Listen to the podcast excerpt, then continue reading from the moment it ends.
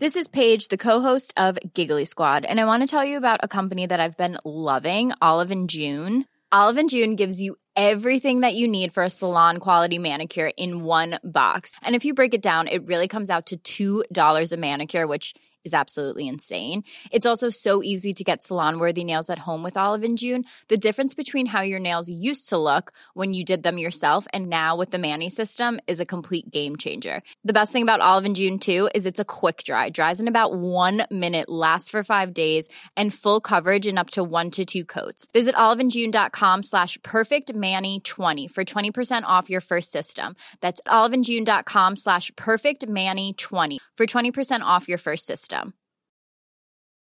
Hiring for your small business? If you're not looking for professionals on LinkedIn, you're looking in the wrong place. That's like looking for your car keys in a fish tank. LinkedIn helps you hire professionals you can't find anywhere else, even those who aren't actively searching for a new job but might be open to the perfect role. In a given month, over 70% of LinkedIn users don't even visit other leading job sites. So start looking in the right place. With LinkedIn, you can hire professionals like a professional. Post your free job on linkedin.com slash people today.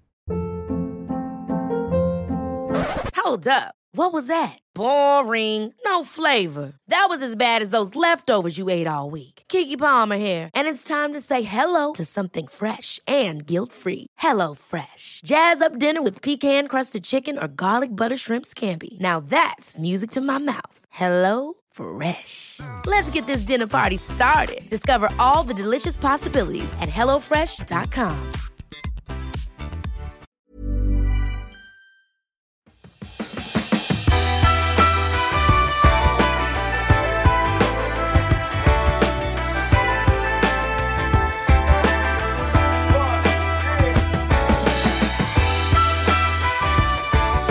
Hej och välkommen till avsnitt 56 av Klimakteriepodden med mig, Åsa Melin. Du är inte ensam. Nej, verkligen inte. I SVT så kommer nu två program om klimakteriet och du får veta att 880 000 kvinnor befinner sig någonstans i klimakteriet. Detta tillstånd som påverkar våra kroppar och psyken mer eller mindre under ett stort antal år. Malin Jakobsson Båt kommer i det här avsnittet ge oss en inblick i och kring arbetet med programmen Klimakteriet, det ska hända dig med. Hur har de tänkt kring upplägget, balansen mellan seriöst och underhållning, kunskap, vetenskap och historia? Eh, ja, och apropå det här med att inte vara ensam, välkommen till dig som ny lyssnare. Så roligt att du har hittat hit till Klimakteriepodden. Ni är många. Missa inte att bläddra runt bland avsnitten. Det gör du lätt på klimakteriepodden.se eller på Facebook-sidan. Det finns så många olika vinklingar och ämnen, allt med en fot i det som rör och intresserar kvinnor. Men nu, välkommen att lyssna!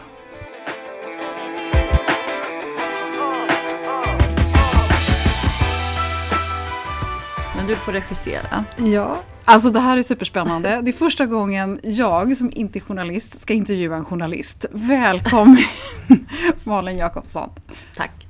Jag har bjudit in dig, eh, superspännande tycker jag, för nu äntligen händer det. Nu ska klimakteriet lyftas på offentlig nivå i Sveriges Television.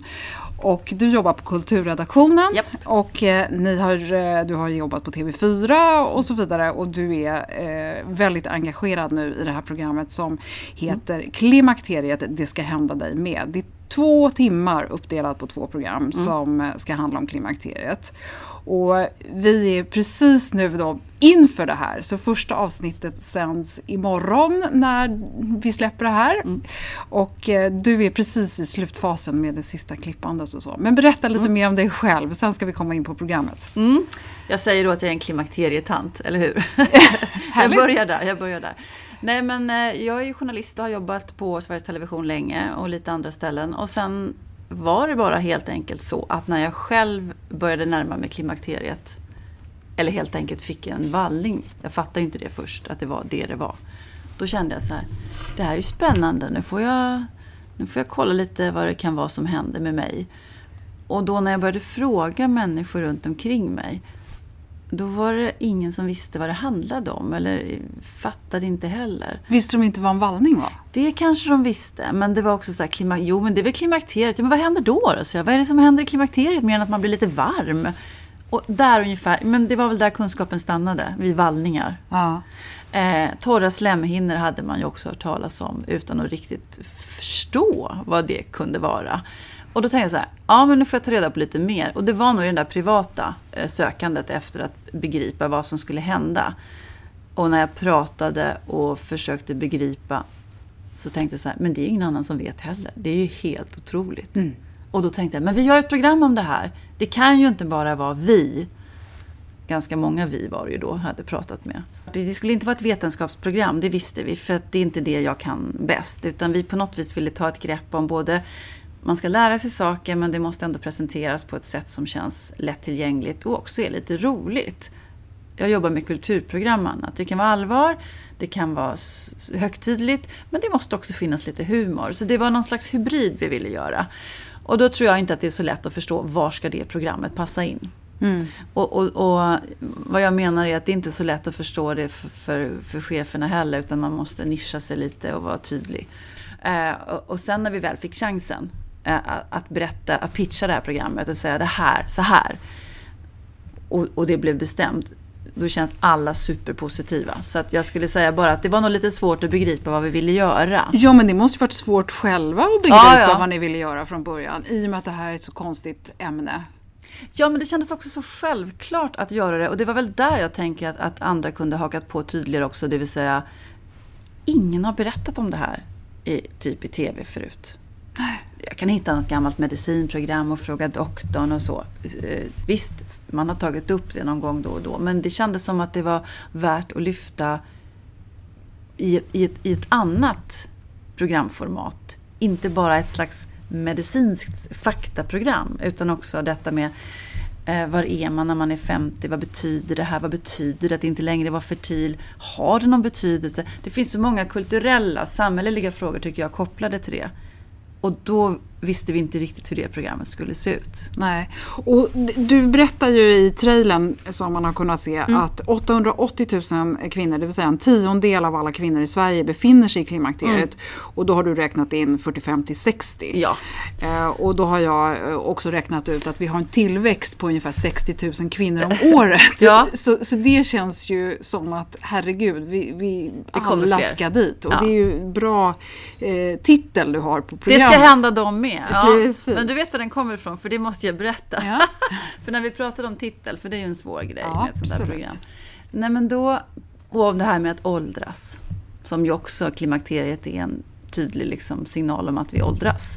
En, eh, då hade vi hört Annika Norlin säkert, som, hade, som har en låt som heter så, Det ska hända dig med. Och den handlar om att åldras och att lite var, inte vara den man var. Liksom. Det är inte lika lätt, folk är inte lika intresserade längre. Vad hände? När började de sluta se mig som något som du vet, var någonting att ha. Det är en jättefin låt och den, det är precis det här det handlar om också. Det ska hända dig med. Det vill säga de unga kvinnorna som inte tror att de någonsin kommer bli 50 och hamna i klimakteriet. Well, de kommer också hamna där. Så då tyckte jag att den passade så bra, så vi har med den i programmet. Men det blev också en titel på programmet. Mm. Eh, du är själv 52 år och när du började fundera på det här, har, tog det sedan lång tid? För jag bara tänker, vi, vi pratade ju om lite bakgrunden här. Hur länge har du fnulat på den här tanken innan vi är här nu? Ja, du menar på programmet? Ja, precis. Ja, men jag blev lite inspirerad när det kom några böcker redan runt 2013-2014, Hej klimakteriet, eh, av två journalister tror jag. Eh, den läste jag då, för jag jobbar ju med böcker också och gjort det här. Så då tänkte jag, åh, det här är spännande och lite kul. Men då kände jag ju själv ingenting i min kropp. Det var lite för tidigt. Men, sen, men då tänkte jag att det här är en bra idé. De har gjort en bra grej. Det här är kul. Så då började jag tänka på det. Eh, men sen så var det så mycket annat som hände. Men när jag själv fick den där vallningen. Då kom det Nej, men då kände jag att det här måste jag göra. För gör inte jag det. Då gör någon annan det och det vill inte jag. Förstår du hur jag tänkte? Nej. Så då, då när, när jag faktiskt vallade själv. Ja. Eh, I programmet så utlovar ni att ni ska gå till botten med klimakteriet. och när jag startade den här podden mm. så tänkte jag, vi hade ungefär samma bakgrund, för jag blev ju också så här, va? En vallning? Shit! Och sen så ja. började jag försöka hitta information och prata med folk omkring mig. Ingen låtsas om att de vet någonting och ingen vet någonting. Mm. Och då tänkte jag, men tio, tio avsnitt så har vi väl avhandlat det här och nu är det ju ett antal fler avsnitt. Hur har du tänkt när du har lyckats ner det här? Jag lägger mig direkt, jag kan inte matcha det här, jag kan inte matcha din podd. Eh, men jag tänker så här, det jag ser som vår möjlighet nu och vårt uppdrag, det är att lyfta upp klimakteriet eh, liksom på bästa sändningstid eh, för en stor grupp människor, hoppas jag. Och att de själva då, det är att normalisera också. Och klimakteriet finns, det ska hända dig med. Det finns massa saker som händer. Så att man på något vis får någon slags grundkurs i det här kan det vara. Och sen hoppas jag att kvinnor själva tar sig vidare, känner sig lite peppade att söka vidare hjälp om de har fastnat någonstans. Eller också kan skratta lite åt det, eller känna jag är inte ensam. Det finns massor med kvinnor som känner som jag. Bra, då ska jag försöka hitta rätt hjälp eller Förstår du hur jag tänker kring mm, det? Att mm, man liksom lyfter upp det och säger så här, så här är det. Och nu ska vi inte dölja det längre, utan nu är det öppet mm. Och, och, när ni då har valt vad som ska vara med, eh, vad, hur, vad är det ni har fått välja bort? För jag tänker att det ska ju också vara underhållning på någon form av eh, basis ja. för tittarna. Ja, man ska vilja titta på det i en timme. Eh, men det är en väldigt svår fråga att svara på. Jag tänker att det blir svårt att, att liksom svara på den själv. Utan det kommer ju tittarna att säga att, eh, hur, det, hur det lyckades. Men jag tänker just att, att vi ville göra ett hybridprogram ska både vara fakta, man ska förstå grundläggande saker. Det tycker jag är viktigt. Man ska förstå också att det handlar om både kropp och själ som vi tycker att det gör. Det är inte bara fysiskt, för det fysiska påverkar det andra och det hänger ihop. Eh, och sen vill vi också diskutera lite grann kring var en kvinna som är 50, en åldrande kvinna, befinner sig i kulturen och i samhället. Vem är man? Vem blir man? Blir man någon annan? De, runt det här försöker vi röra oss. Och då måste man ju välja bort massor med saker. Men min erfarenhet säger att du har tre kategorier kvinnor. Den ena är förnekaren. Jag är inte där än kan de säga fast de är 52 eller 54 till och med. De kanske har tur att aldrig hamna där i och för sig men mm. någon form av klimakterie går man ju igenom. Sen så har du ju de här som är, är liksom lösningsorienterade och sen så har du det här gänget som också på något sätt har hittat en gemenskap i klimakteriet på de här forumen på nätet som du också har läst mm. och sådär. Vem tror du kommer gilla det här programmet mest? Nu är det mycket svåra frågor. Nej, men jag vet inte. Jag tänker bara att, jag tänker faktiskt kanske att alla i de här grupperna du nämner kommer kunna ha glädje av programmet, i alla fall delar av det.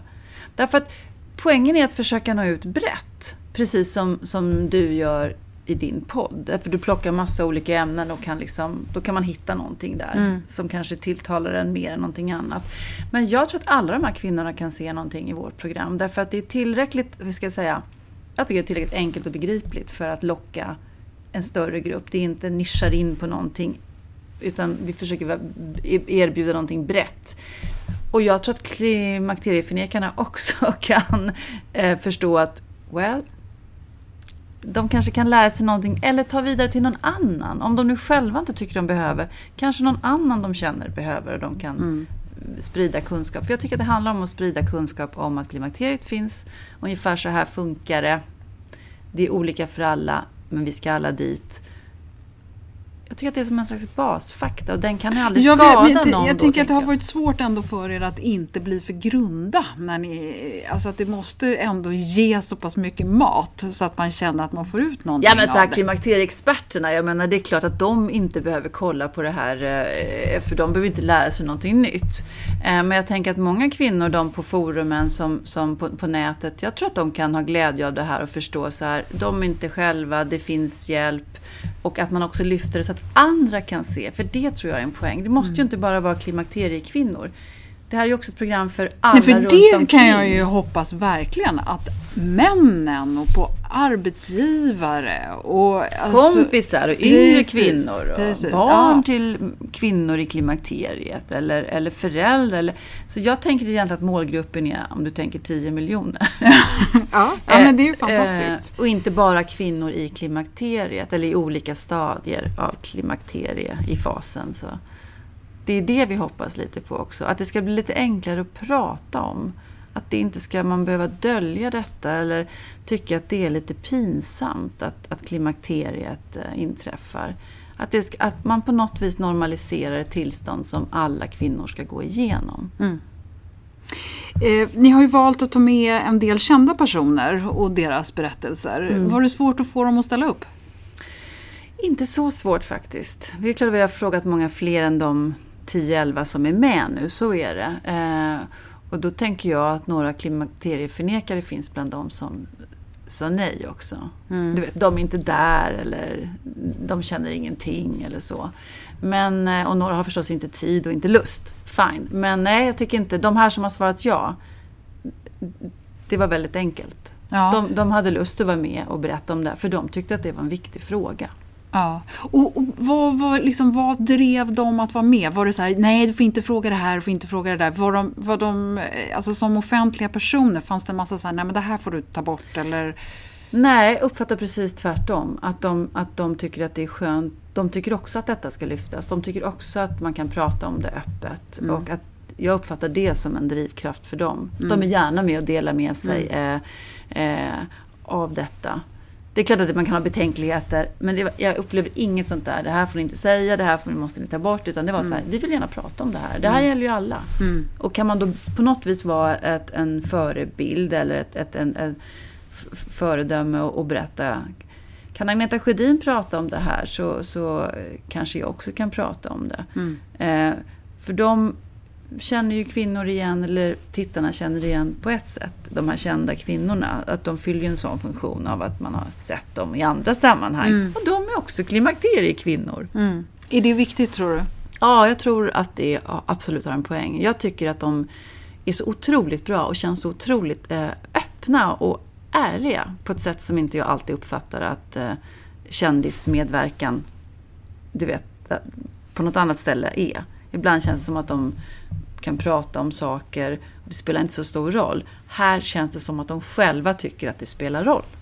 Och är det deras egna personliga berättelser ni har försökt komma åt då, eller? Ja, eh, att de får dela med sig av hur det kan kännas att ha en vallning när man har en, en, en uppgift att göra där man är bland människor Ja, som precis, inte... som offentliga Som personer. offentliga personer blir det ju lite annat. Och hur de ser på åldrande och på hormonpreparat. Och, jag menar, allt det som du och jag också funderar på kring det där.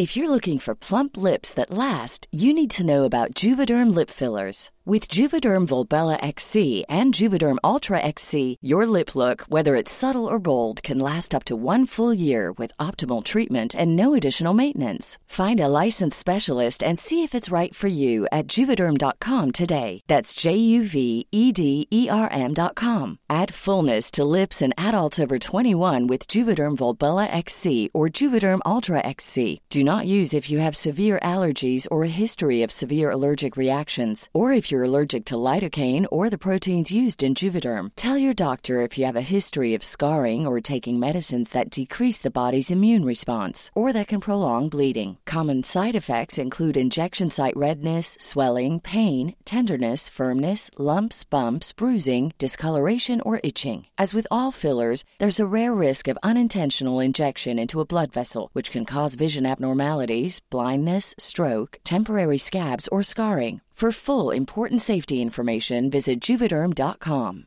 Ready to pop the question? The jewelers at BlueNile.com have got sparkle down to a science with beautiful lab grown diamonds worthy of your most brilliant moments. Their lab grown diamonds are independently graded and guaranteed identical to natural diamonds, and they're ready to ship to your door. Go to BlueNile.com and use promo code LISTEN to get $50 off your purchase of $500 or more. That's code LISTEN at BlueNile.com for $50 off. BlueNile.com code LISTEN. Planning for your next trip? elevate your travel style with Quince. Quince has all the jet setting essentials you'll want for your next getaway, like European linen, premium luggage options, buttery soft Italian leather bags, and so much more. And is all priced at 50 to 80% less than similar brands. Plus, Quince only works with factories that use safe and ethical manufacturing practices. Pack your bags with high-quality essentials you'll be wearing for vacations to come with Quince. Go to quince.com slash pack for free shipping and 365-day returns.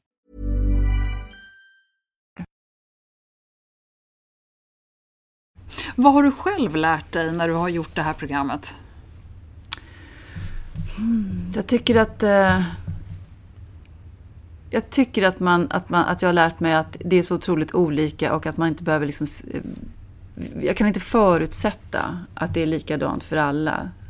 Eh, utan man måste vara lite öppen för att vi har väldigt olika behov av att i och för sig prata om saker eller vara öppen om det. Och du vet hur man mår liksom. Men jag tycker att jag har lärt mig att det är bra att vara öppen. Att det gynnar alla. Hur då tänker Ja, du? men även de som inte känner sig bekväma att prata kommer dra nytta av att andra vågar prata. Det är jag helt övertygad om. Mm.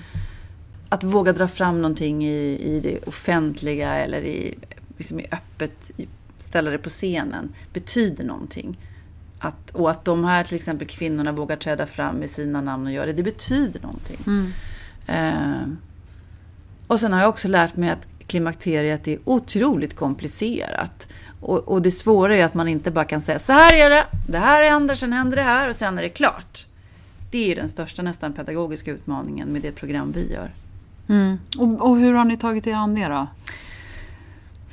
Det får du bedöma sen om det, om det lyckades liksom. ja. För jag tycker att det har varit svårt men också väldigt roligt. Det finns ju massa andra fenomen, eh, faser som inte är så lätta att beskriva. Ändå måste man ju försöka på något vis förenkla och generalisera utan att det blir ytligt eller för enkelt eller för grunt. Och vad har du lärt dig för egen del? Som du har kunnat applicera på ditt eget klimakteriemående? Ja, men jag tycker att detta med till exempel eh, hormon, eh, synen på hormoner och hur den har eh, svängt under åren är ju otroligt fascinerande. Det tycker jag är en. Ja. av de stora upptäckterna. Ja, men det här med hur forskningen, hur vi ändå litar som eh, medborgare eller konsumenter eller patienter på det som läkarna säger. Och, och i det här fallet då när det har talats mycket om en stor studie som gjordes i början av 2000-talet som visade sig, då alla blev rädda för bröstcancer ännu mer än de var innan. Och den bilden har varit så stark och lever kvar fortfarande. Och idag är det nästan ingen som vill prova ett hormonpreparat av rädsla för att få bröstcancer. Och sen har man kommit fram till andra saker under de här åren men den kunskapen, den forskningen når inte riktigt ut. Det tycker jag är jättespännande. Mm. Och här skyller ju då, ni har ju Angelica Lindén Hirschberg med i programmet som har varit med i många avsnitt av podden. Ja. Och hon skyller ju till stor del på media Mm. att, eh, att bilden ser ut som det gör, att användandet av hormonella preparat Mm. i Sverige är alldeles för lågt i förhållande till kvinnor som faktiskt skulle må bra av det. Mm. Hur, hur framställer ni hormoner i, i programmen? Ja, men jag tycker vi försöker berätta den historien om förändringen i synen på hormoner och vad som har hänt, hur det har svängt och så. Det är klart att vi inte förespråkar jättebra med hormoner, eh, men, eller inte alls hormoner, utan mer så här, så här ungefär ser det ut. Så jag tycker vi försöker ge en nyanserad bild av hormonsynen idag, som professionen har. Alltså det vill säga läkarna som arbetar med det här dagligdags. Så jag tycker att den är balanserad och, och jag tänker att man ska få veta då, okej, det kanske inte är så farligt som folk pratar om, utan det kanske är ungefär så här istället. Tar ni upp alternativa lösningar? Ja, det gör vi. Eh, vi pratar ju just om det att alla kvinnor vill ju inte använda hormonpreparat och de kanske inte heller bör det för att de har en sjukdomshistoria som gör det olämpligt. Så vi nämner eh, några av de alternativ som finns. Och bland annat så lyfter vi fram det här som alltid nästan lyfts fram när det gäller något man kan göra, nämligen fysisk aktivitet. Så då har vi träffat eh, Mats Hammar, gynekologen, eller professorn, mm. före detta professor eller emeritus i eh, Linköping som pratar om den där studien som de håller på med i Linköping och som är väldigt stor och omfattande. Mm. Och Mats kan man ju lyssna på i avsnitt fem om man är sugen på det. Ja. Men ni pratar inte om akupunktur, ayurveda och sådana alternativmedicinska grejer? Nej, men vi nämner att, att till exempel jag menar, yoga, djupandning, vi nämner några sådana, men vi går inte in på det och fördjupar det. Och det, det, är precis det jag tänker också att eh, kvinnor som ser det här programmet själva kan ta reda på mer. Mm. Men däremot att prata om, om hormoner, eftersom hormonomställningen är själva grunden till klimakteriet så blir det ju väldigt svårt att, att inte alls beröra den men jag tänker om man, om man känner sig skeptisk till hormoner och är rädd för det och så, vilket ju många är. Det är viktigt en, att lyfta och prata om hormonerna. Mm. Eh, sen kan man ju fatta de beslut man eh, vill ändå. Men alternativdelen är mycket, mycket mindre. Där hoppas jag att folk känner sig engagerade att, att uh, själva ta reda på mer. Mm. mm. Okay. Jag hörde det där jättespännande programmet om primärvården som du hade. Du hade med en, en kvinna som var chef. Ja, Larsén. Ja, ja. precis. Mm. Eh, nej, men jag tänker att det här med att eh, många kvinnor kommer ju inte till en gynekolog det första som händer. För att det, de kanske inte har någon gynekolog eller det finns inte så många gynekologer där de bor. Utan väldigt många människor hamnar ju eh, på en vårdcentral det första som händer. Och där säger ju både de läkare vi har pratat med, alltså gynekologer, professionen, att det är där är inte kunskapen densamma som bland experterna. Så det finns ju väldigt mycket stora, vad det verkar, kunskapsluckor. Det tycker jag är spännande också. Och det är skrämmande tycker jag. Ja, det är också skrämmande naturligtvis. Mm. För att, och, och, om man då ska lita på en del andra i professionen, de säger ju då dessutom att professorerna kanske kan en massa, men det kommer inte alltid ut till gynekologerna, för det ligger på dem att fortbilda sig mm. också. Och, det är ju, och sen så ska du ytterligare ett hack till primärvården. Eh, Exakt, så det är liksom som en näringskedja utan att värdera liksom att någon är högst och sämst här. Utan mer så här, det är en informationskunskap här men den verkar falla bort längs vägen. Mm. Eller inte gå så snabbt kanske. Mm. Och det kanske inte är så märkligt i sig. Men det som är tråkigt då, det är, tänker jag, att det är en massa kvinnor som kanske inte får ta del av den här informationen. Och sen kan de ändå fatta egna beslut. De behöver ju inte följa rekommendationer som en gynekolog gör. Men det vore ju ändå tacknämligt om de visste vad som gällde. Mm. Eller hade fått det förklarat för sig på ett rimligt sätt. Mm. Jag tänker nog att det som jag har lärt mig kanske allra mest under det här halvåret som vi har jobbat med det här programmen, de här programmen, det är att hur vi än vänder och vrider på det så känns det som att kvinnors hälsa, eller det som rör kvinnor, eh, även om inte det här är en sjukdom, så kan man ju få besvär som kan vara besvärliga nog det är ändå inte så intressant. Ja. Det fattas liksom massa kunskap och kvinnor står ut med så mycket. Det tycker jag också att jag har lärt mig. Jag hade lite på känn att det var så, men nu tycker jag att det har blivit ännu mer stärkt. Kvinnor står ut med att liksom sova kass i tre år. Kvinnor står ut med konstiga hjärtrytmer och vet inte vad det beror på. Det tycker jag är otroligt sorgligt. Mm. En annan sak på tal om primärvård och, och det här med att klimakteriet inte är en sjukdom så har det ju framkommit tidigare att många kvinnor faktiskt föredrar eh, och även vården att sätta dem på SSRI-preparat och serotoninhöjande för att man ska känna sig gladare. Eller sömnmedel eller något annat. För då är, då är det en sjukdom. Annars så finns det liksom ingen ursäkt för... Alltså klimakteriet är ingen sjukdom.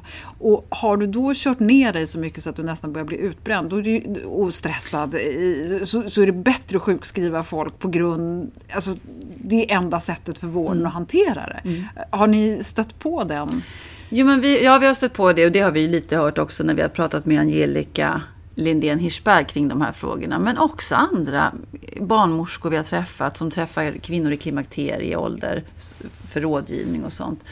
Eh, det känns väldigt märkligt. Mm. Att vi har väldigt lätt till den här typen av medicinering ja. i vi har en kvinna som berättar sin historia. Hon framträder inte, eh, för hon vill inte det, men hon berättar sin historia över hur hon har jagat bioidentiskt progesteron på nätet och via någon kvinna som har något företag i London etc. Sådana här liksom lite, mm, vad ska jag säga, historier, köp som sker lite i skymundan och som faktiskt inte läkarna har någon kontroll på. Men hon berättar också det att varenda läkare nästan hon träffar på en vårdcentral är otroligt pigg på att vilja ge henne SSRI-preparat, antidepressiva. Och hon sa, men jag är inte deprimerad. Jag tror inte att det är det som är mitt problem. Men det var den lösning som ändå väldigt snabbt erbjuds.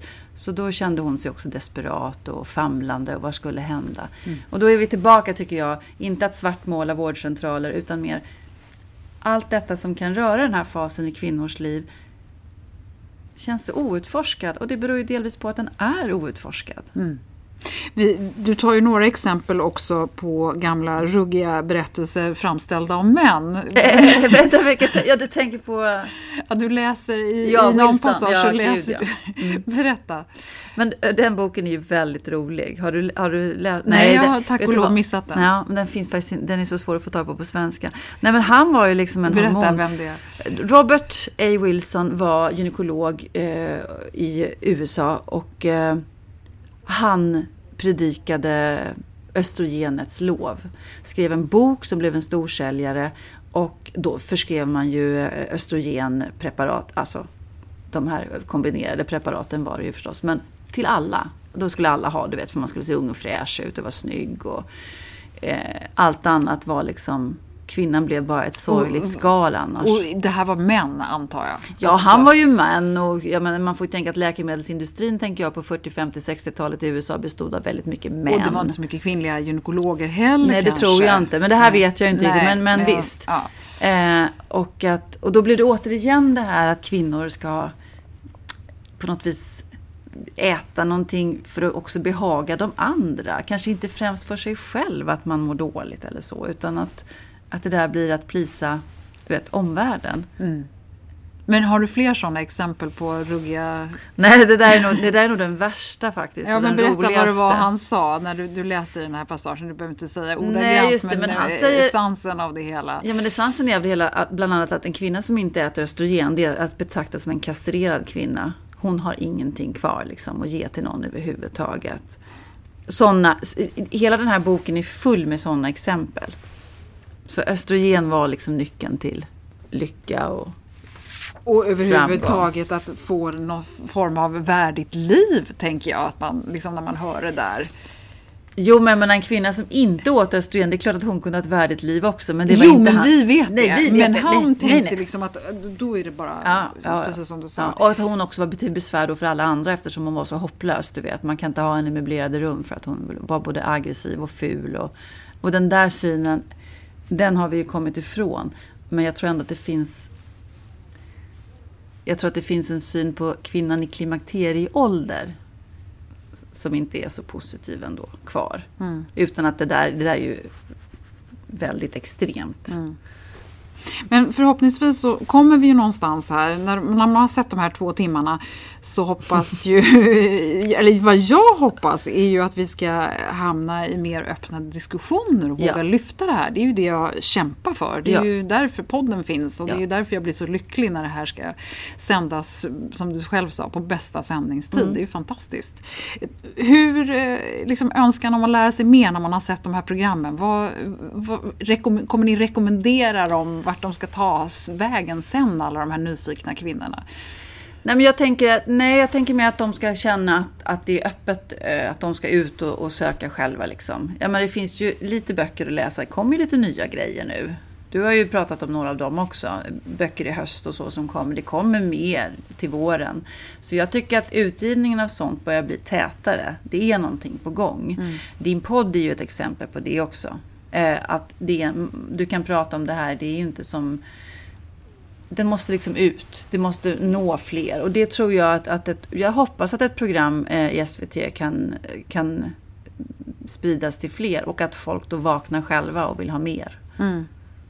För jag, redan när jag startade podden så var det någon som sa så här, men herregud, måste du kalla det för Klimakteriepodden? Kan du inte åtminstone säga något annat? Ja. Alltså det, det, är ju otroligt. Att, eh, och sen finns det då förtäckta ord för det här. Men jag tycker vi... Nej men jag tycker också det är ett bra ord. Ja, det, det är ju det det handlar om. Ja. Så att jag hoppas att man kommer våga säga det utan att det är något konstigt med det och utan att det är ett skämt. Ja men det är precis det som är vår ambition också. För det känns konstigt att man på något vis går man ett helt liv och har skämts lite för mens först och sen skäms man lite för allt möjligt, att man blir lite tjock när man kanske väntar barn och sen skäms man lite för en, det ena än det andra. Och sen när man äntligen börjar känna så här, nej men nu, nu är det rätt bra. Nej men då ska man också skämmas för klimakteriet helt plötsligt. Att, att man blir varm, att man behöver öppna ett fönster. Och man ska smyga med det. Man hade ju slutat smyga med massa saker för man blev helt plötsligt vuxen till sist. Mm. Det tycker jag känns väldigt, både helt ovärdigt och, och, eh, och väldigt tråkigt. Mm. Jag tänker inte smyga längre. Det är väl det som är eh, vi hoppas att folk ska känna. Ja, och slutligen är det det som, så att säga, som kvinna på 52 nu, som kan en faslig massa om eh, klimakteriet. Eh, vad är ditt bästa tips till alla som lyssnar? Gråt inte, kämpa. Och gråt inte. Ja, Okej, okay. oj oj oj. Ja. men det jag menar så här, man får gråta om man vill, absolut. Men jag menar så här, man ska inte gömma undan det då, utan då ska man ta plats med det. Mm. Det är så tror jag jag tänker. Ja. Det, det var säga, fint sagt, nu blev jag lite tårögd bara. Men den har jag ju snott från kvinnorörelsen, så den är ju inte min egen. Men jag tycker man kan mm. använda den ju. För att jag tycker inte att man ska skämmas. Och det tycker jag är en del av det. Man, liksom, man kan lipa lite, men framförallt så ska man begära att få hjälp. Man ska känna att man vågar det. Mm. Att inte folk ska skratta åt de här grejerna. Nej. Du vet, så lite skämtsamt. Sluta dra era klimakterieskämt om du Utan uh, mm. var lite schysst och öppna ett fönster. Se mm. att någon behöver någonting. Ja, men jättebra. Eh, tusen tack Malin. Vad, vad spännande att få lite insikt i arbetet bakom. Jag hoppas att det här blir en supersuccé. Ja, det hoppas vi också. ja, men vi tänker att det finns många, eh, många hangarounds. Många kommer komma hit. De behöver ändå en grundkurs och sen så Sen får de lyssna på podden. Sen får de lyssna på podden och sen får de läsa lite böcker och så får de själva eh, gå vidare. Mm. Och sen vill jag säga en sak till. Det ja. kommer jag på om jag får lägga ja. till det. Ja. Men jag har funderat mycket på när jag har läst några av de här böckerna som har kommit både nu och som har kommit tidigare. Att, att det är sådär som att man måste välja spår när man då har kommit till klimakteriet. Vem blir jag nu? Är det nu jag ska känna mig totalt fri och göra precis allt jag vill och drömmer om? Eller så är det som att man är tråkig och inte kommer göra något speciellt. Och jag tänker så här, men kan man inte bara få vara som man är? Men man vill ha lite mer hjälp med de besvär man kanske har i klimakteriet. Det är ju inte självklart att vi förändras jättemycket för att vi fyller 50 och står mitt i livet. Tusen tack för att du ville vara med, får jag säga. Men jag vill säga tusen tack för att jag fick vara med, för att vi fick vara med och prata om programmet. Eh, det känns väldigt kul och mm. hedrande.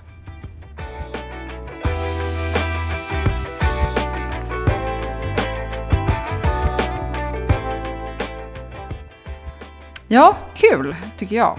Jättespännande. Ska bli så roligt att få se de här avsnitten. Och det finns naturligtvis en länk på Klimakteriepoddens hemsida och samma sak på Facebook-sidan. I avsnittet så nämner Malin också ett poddavsnitt om primärvården och är du nyfiken på det så är det avsnitt 20 med Caroline Larsén så nämns Mats Hammar som berättar om sin forskning kring motion i avsnitt 5. Och Angelica Lindén Hirschberg hör du i flera avsnitt, det är bara att kolla runt. Klimakteriepodden.se, där bläddrar du enkelt bland avsnitten. Och vill du komma i kontakt med mig, Åsa Melin, så hittar du mig via hemsidan eller Klimakteriepodden på Facebook och Instagram, där du jättegärna får följa Hoppas att du gillade avsnittet och vill rekommendera det för någon. Nästa vecka så ska vi prata om artros. Och det är förklaringen till att många av oss börjar få ont i leder och känna oss lite slitna helt enkelt. Så det blir ett spännande avsnitt, så missa inte det. Och välkommen att lyssna snart igen. Hej då!